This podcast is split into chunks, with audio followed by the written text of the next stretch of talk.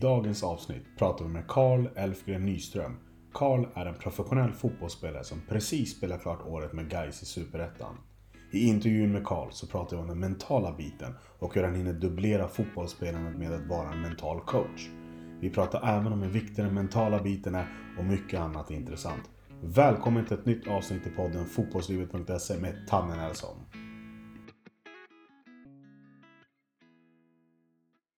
Välkommen Karl! Tack så mycket! Roligt att du vill vara med här. Mm, ja, men jättekul! Eh, grymt att eh, få vara med i den här podden och alltid kul att få snacka lite fotboll ju. Mm, det låter bra det. Vi kan ju berätta lite mer om Karl. Karl är faktiskt en professionell fotbollsspelare. Spelar för Guys just nu om inte kontraktet har löpt ut. Stämmer det? Nej, det, det, nu kommer jag lite med nya nyheter här men mitt, eh, jag är faktiskt kontraktlös just nu. Um, så att mitt um, kontrakt har jag avbrutit lite av familjeskäl. Jag hade en klausul som sa att jag kunde bryta mitt kontrakt efter det här året och det har vi gjort så att nu har vi flyttat upp till Stockholm här. Så just nu är jag kontraktslös men har spelat i fem år i GAIS. Ja, superettan då kan vi berätta. Men jag tänker så här, Karl, du kan väl berätta lite mer om dig själv. Hur är du som person, både på plan och även utanför planen? Ja, absolut. Jag är ju en kille ursprungligen från Värmland som har spelat fotboll sedan jag var, ja, men sedan jag var en liten grabb, fem år. Jag hängde med min syster på fotbollsplanen och eh, har alltid älskat eh, och har en stor kärlek till fotbollen och till sport överhuvudtaget. Ehm, men jag eh, ja, lever ihop idag med min fru och min dotter Felice som är 17 månader. Ehm, har ehm, spelat egentligen superettan-fotboll sedan jag var 19 år eh, men har några säsonger i division 1. Eh, har spelat, resulterat, eh, representerat klubbar som IK Sirius, uh, Gais och Väsby United som idag är AFC Eskilstuna. Ehm, och min moderklubb är IK Sunne. Så att, eh, jag är mittback, ganska lång, gänglig där bak, du vet, som försöker nicka lite bollar och bara vara i vägen och så här för våra snabba forwards. Ehm, men eh, ja, det var lite kort. Ja, det var en bra berättelse det. Jag tänker så här Karl, hur, eh, kan du berätta hur det är att vara fotbollsspelare, att leva på fotbollen? Hur är det att vara en fotbollsspelare? Ja, alltså för det första så är det en stor ynnest att få hålla på med det man, liksom har, det man älskar och det man hade som hobby ända fram till att man var ja, men 19 år när jag fick mitt första proffskontrakt. Um, sen så blir det ju, ju mer man jobbar med det, ju mer blir det ju ett yrke i sig då, men um, jag kan ju dra lite hur en dag ser ut, eller som det såg ut i Gais i alla fall. Det får du jättegärna göra. Ehm, då är det så att då har man eh, samling oftast. Nu är det speciellt på det här coronaåret men eh, tidigare så hade vi samling runt nio och så kommer man in till Gaisgården och så träffar man alla gubbar och så, om man behöver lite behandling så träffar man vår fysio och så går man igenom kroppen lite startar upp lite i gymmet och sen så har vi eh, aktivering med hela laget en kvart innan träningen, kvart i tio eh, i gymmet och sen går du ut på planen vid tio och sen så kör du ett pass som är allt mellan ja, ja, 90 minuter och två timmar. Det beror på lite hur mycket taktiskt det ska vara och vart vi ligger i veckan och så här. Och sen så är man nära match så, så är man klar vid 12 och sen så käkar man lunch med gubbarna eller så och sen är man ju ledig efter det. Men eh, om det är i början på veckan eller så, så har man oftast kan, kan man ha ett pass till. Då skulle det kunna vara ett fyspass som är på eftermiddagen. Eh, men där har du en, eh, en klassisk eh, dag som jag tror så ser det ut för de flesta allsvenska lagen också och många superettan-lag. Det beror på lite om, om man tränar förmiddag eftermiddag. Men i Gais så tränar vi förmiddag. Intressant. Eh, anledningen till att vi vill podda med dig Karl, det är ju för att du även jobbar som en mental rådgivare slash coach. Eh, kan du berätta varför du gör det och hur det kommer sig? Ja, det, i grunden så är det att jag, jag är väldigt intresserad av idrottspsykologi eh, och har en, e-, en utbildning, men det är en, en lärarutbildning. Så att jag, i grunden så tycker jag om idrottspsykologi, men jag tycker också om att utvecklas. Eh, och sen så såg jag även min egen utveckling att jag, jag var inte så nöjd med den utan jag tyckte att det fanns många saker som jag kunde jobba på och det var många saker som jag tyckte jag gjorde väldigt bra i träning men som jag inte fick till i match. Och, eh, eh jag kände mig själv att det har mycket med det mentala. Det, var, det är saker jag kan men, men jag, är, eh, jag blir osäker i vissa delar av mitt spel på fotbollsplanen och känner också att jag, jag inte vågar till exempel slå den passningen eller vågar göra det beslutet som jag tycker egentligen att jag kan. Och, eh, med hjälp av, eh, vi har, hade en coach i Gais som heter Håkan Linde så jobbade jag väldigt tajt med honom och försökte bygga upp och lära mig mer och mer om liksom vad som händer i hjärnan när man spelar fotboll och när man ska prestera. Eh, och eh, lärde mig väldigt mycket som jag tyckte var oerhört spännande. Eh, och det här har jag själv jobbat på nu eh, under några år eh, och känner att det här vill jag bidra med och även prata om för andra, andra fotbollsspelare men även inom jag ser att man kan använda det i, inom offentlig sektor men även inom affärslivet och, inom företag och i grunden så handlar det om hur du jobbar med dina beteenden helt enkelt. Alltså Eh, ändra beteenden som gör att du får en mycket bättre prestation eh, och eh, du får en högre mental höjd som man säger. Så att, i grunden så är jag supernyfiken och, och, och, tycker det här är så intressant. Så att, och jag vet också att väldigt många individuella idrottare jobbar ju väldigt hårt med det här men i lag, lagidrott så är det beroende på lite vilken nivå man är på men så är det ju oftast eh, så finns inte det med i en del av, eh, av idrottandet liksom medan jag tror stenhårt på att det behöver du ha med dig eftersom vi alla är människor och vi är utvecklingsbara och vi har känslor. Så. Att, eh, ja, nej, men det var därför jag drog igång och startade det här bolaget eh, under våren. Ja, och då, då är min nästa fråga. Hur hinner du med att dubblera spelandet samtidigt som du föreläser, utbildar och även är en mental coach? Liksom? Ja, det handlar ju om att planera väldigt väl men jag är också van vid att göra andra saker vid sidan om. Jag pluggade ju till eh, lärare en femårig utbildning samtidigt som jag spelade fotboll i Sirius. Så att, eh, det beror lite på hur du utnyttjar dagen. Som jag sa så, så eh, är vi klara oftast vid, vid ett. Ehm, och då finns det ju mycket tid till att, att lägga på annat också som, som jag känner bidrar till mitt spel. Ehm, ehm, så att eftersom man är så pass fri under veckodagarna så kan man ju planera in saker på eftermiddagen. Så att det har jag valt att göra för att jag tycker det är roligt och jag känner också att det bidrar. Det är inget som jag tycker skälper mitt idrottande eller min fotbollsspelande utan tvärtom så känner jag att eh, det bara är roligt liksom. Ehm, och jag känner också att jag utvecklas i det hela tiden med, eh, med de jag jobbar med i mitt personliga mentorskap och så här, och även med företag och så.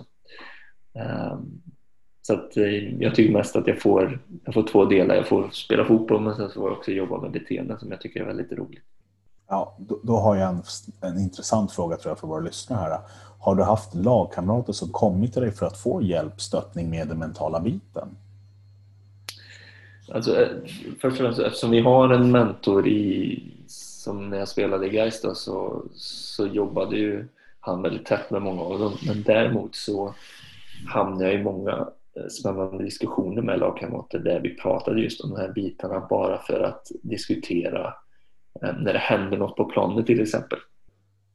Jag kan bara ta liksom ett exempel mellan jag som är mittback och en målvakt till exempel. Så Eh, så, så hamnar man där i olika situationer i matchen och där man kan tolka på olika sätt och där kan man också se att man säger, men jag tror till exempel som en målvakt så, så kan man säga så här, men jag ser ju på, match, eller på träning till exempel att du går ut och plockar bollen väldigt ofta men i match så, så blir du kanske lite osäker ibland och förväntar oss att vi mittbackar ska nicka undan bollen istället för att målvakt går ut och plockar och dödar egentligen en situation. Uh, och där kan jag då förstå att okej, okay, det här är ett beteende som du behöver liksom jobba lite extra på och jag hjälper dig i det. Eh, jag, jag bygger upp dig. När jag ser att du går ut och plockar bollen så kommer jag hylla dig. Och jag finns där om du missar. Då, då är jag där och räddar helt enkelt. Och, ja, I värsta fall, okej, okay, vi släpper in ett mål men då får, då får jag göra ett på hörnan nästa gång. Eh, alltså, så kan man ju resonera för att bygga upp varandra och känna att jag har en tillit till dig. Du ska aktivt jobba med dina beteenden så att du utvecklar dig i, i ditt fotbollsspelande. Eh, och där har jag hamnat absolut i, i några situationer men Sen var jag lagkapten under många år och där kände jag också att jag kunde använda mig av eh, framförallt det jag lärde mig för att skapa positiv gruppdynamik och också mycket grundstenar i psykologi, hur du, hur du liksom bygger upp ett lag och, och hur du försöker få till framgångar. Eh, trots att vi hade väldigt tuffa säsonger i Gais, eh, men det beror inte på massa olika andra orsaker. Men, men själva gruppen var ändå alltid stark i slutändan. Liksom. Så att, eh, ja, men där ser jag att det finns så mycket att hämta på. Det är det som är så spännande också, att du kan jobba med det varje dag och du ser det är människor du jobbar med. Och, och vi, vi är som sagt utvecklingsbara så då finns det saker hela tiden man kan göra. Du nämnde ju lite tidigare om att eh, du använder några olika tekniker, taktiker för att eh, hjälpa dig att förbättra din, den mentala delen för dig själv. Kan du ge några mm. förslag på vad du har använt för ja, sätt, eller tillvägagångssätt för att, ja, som har hjälpt dig? Ja, och det är ju först och främst så behöver du så lokalisera vad är problemet om, om det finns ett problem. Um, säg att du, du till exempel, ja men det jag gör i alla fall det är att jag videoanalyserar mycket det man gör på plan. Eh, man tittar på matcherna eh, och man ser liksom okej okay, här behöver jag utveckla vissa saker. Och om man ser ett mönster då som uppkommer gång på gång match efter match så eh, så gäller det att förstå, okej okay, varför till exempel slår jag inte den passningen när jag vet att jag kan göra det i match? Och är det så att du känner att jag är inte tillräckligt bra på den, okej okay, då måste vi börja träna på den ännu mer. Eh, men är det så att du till exempel kan vara rädd att misslyckas eller du är rädd att, eh, att dina lagkamrater ska tycka du är dålig eller du är rädd att publiken ska ropa något eller att din mamma och pappa ska säga något till dig som liksom, du behöver förstå, okej okay, vad är det som är problemet här? Och sen så behöver du egentligen, som man säger, facea dina fears, alltså ta tag i dem. Eh, när det är match, så testa, slå den passningen, slå den igen, slå den igen oavsett om dina lagkamrater till, till slut liksom blir lack. Så fortsätt tro på dig och fortsätt tro på det du kan göra. Uh, och sen fortsätt också fokusera på vad kan jag påverka? Uh, vad, vad kan jag påverka just här och nu på planen? Jag kan ju liksom inte påverka vad mina lagkamrater tänker om mig. Det, jag kan inte gå in i deras hjärnor utan det handlar ju om att jag jag måste jobba på mina beteenden och jag kan bara fokusera på mina beteenden och eh, jag vill lagets bästa. Jag vill utvecklas för lagets bästa. Eh, och jag förstår det här är ganska komplexa men om man får det i ett sammanhang och om man kan liksom sätta sig ner och prata om det och, jobba med det över tid så blir det väldigt tydligt med att det handlar om att jobba på beteenden som är konkreta, jobba på saker som du kan påverka och fejsa helt enkelt, ta tag i det. Eh, och sen, eh, sen är det bara att flyga, Nike, just do it liksom. Låter intressant. Eh, det jag undrar är, finns det några quick fixes i just den här mentala biten eller är det ett, någonting man måste jobba med under en längre period? Eh, alltså quick fix är ju all, aldrig något som, om man, om man ska ta det i, i det liksom större perspektivet så, så är det alltid bättre att jobba med saker långsiktigt. Det är en process, process som du måste ha med dig. Eh, och det är väldigt, när man ska ha med sig också att det är väldigt färskt.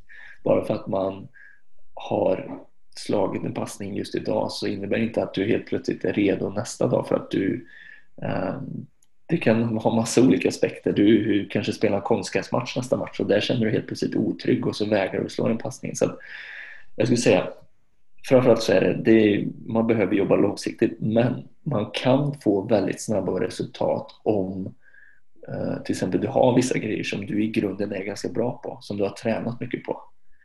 Eh, om det är att slå en perfekt bredsida liksom, eh, och du har tränat väldigt mycket på det tidigare men att du har inte gjort det i match. Om du bara liksom hjälper dig rent mentalt så, så kan du börja göra det ganska snabbt i match och så här. Eh, men däremot är det till exempel en passning som du har svårt att göra i träning, då är det krävs ju mycket träning först för att kunna klara av den. Så det är lite olika där men eh, framförallt så mår du mycket bättre i din prestation eh, det gjorde jag i alla fall. Det finns ju alltid, ja, man känner ju alltid nervositet inför en match och det är ju positivt. Det ska man ju liksom ha med sig att det är någonting, det är bra för det innebär att här ska du göra någonting som är viktigt för dig. Eh, men det kan också övergå till ångest eller att man liksom inte vill vara där och tävla så då, då kommer vi över till något annat. Då, eh, då gäller det att kunna hantera de känslorna och, och, och liksom ta in dem, acceptera dem och sen liksom gå vidare. Att jag vill ju göra det här, jag älskar ju fotboll. Liksom. Eh, ja, det var ett långt utlägg på din Det var ett jättebra utlägg. Jättebra utlägg, Men, jättebra utlägg. Då förstår ni lite, det finns två olika sidor på det. Absolut. Jag, tänker, jag vill snegla in lite på mental ohälsa. Det är ju något som tidigare har setts som något negativt, eh, speciellt inom idrottsvärlden vet jag.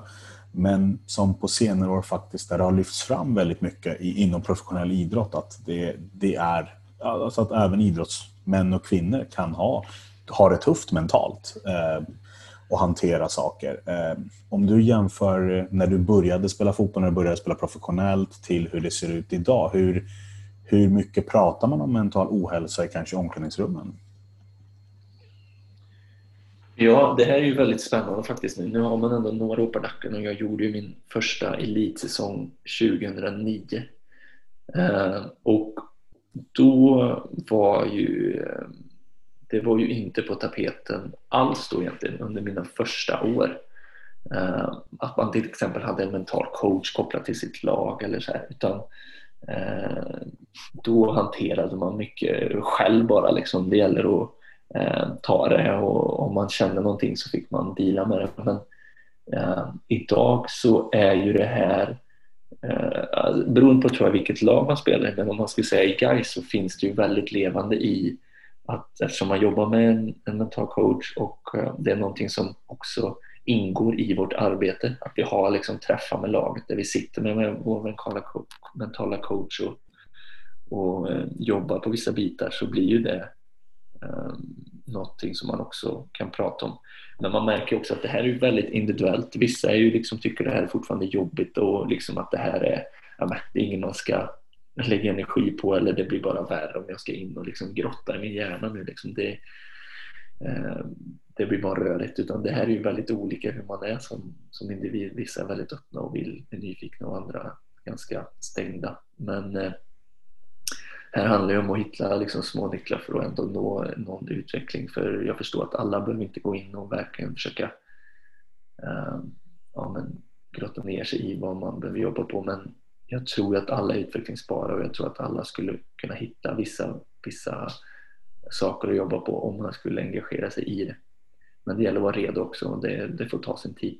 Men det är mycket bättre idag på svar på din fråga eh, om man kopplar det till det att det blir mer aktuellt och att stora stjärnor går ut och pratar om det också. Eh, jag tänker på Jenny Rissved som pratade om det. Hon eh, tog OS-guld i mountainbike och jobbade väldigt hårt med det mentala för att komma tillbaka idag. Och så här.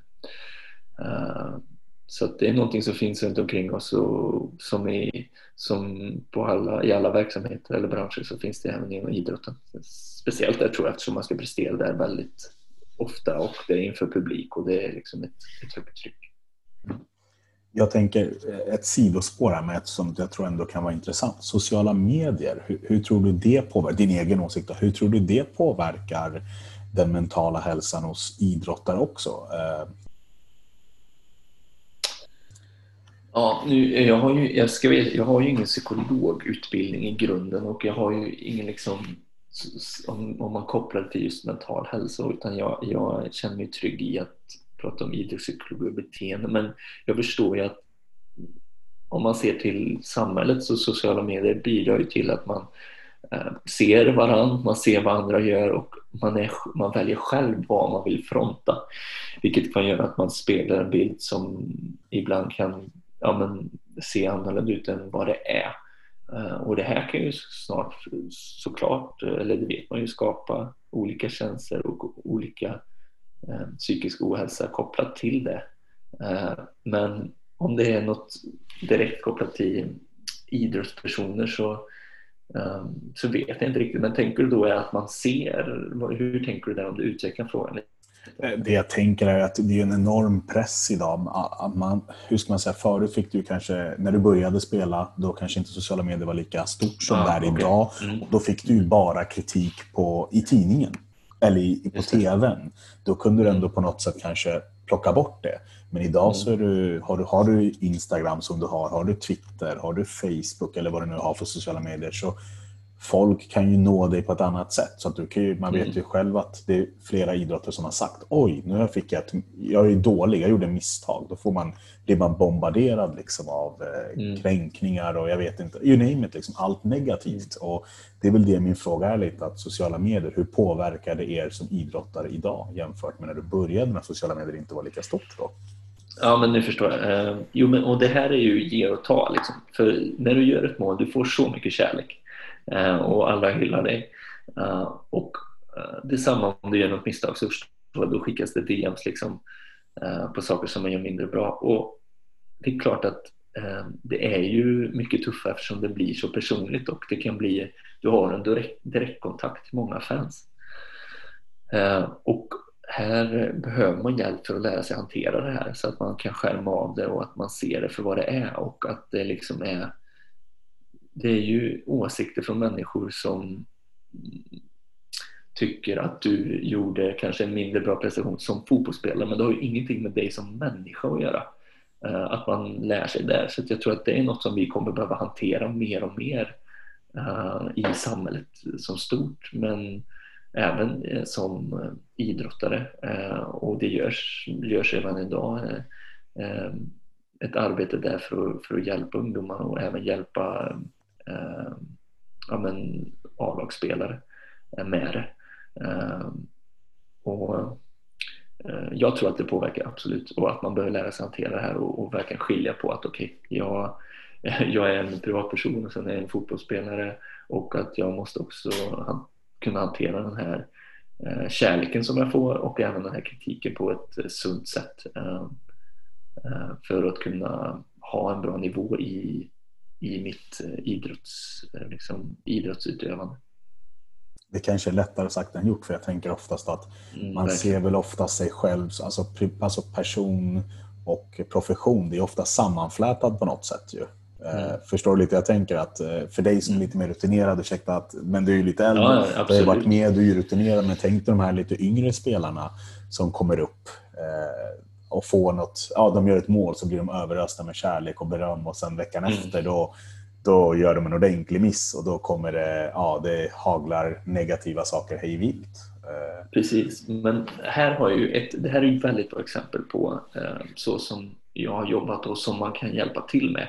Och det är ju att man då, eh, är man en fotbollsspelare som har vissa beteenden som är väldigt bra, säg att du har ett jättebra skott, du är bra en mot en, Uh, och uh, ja, men du, har bra, du är bra i ditt försvarsspel. Där har du tre beteenden.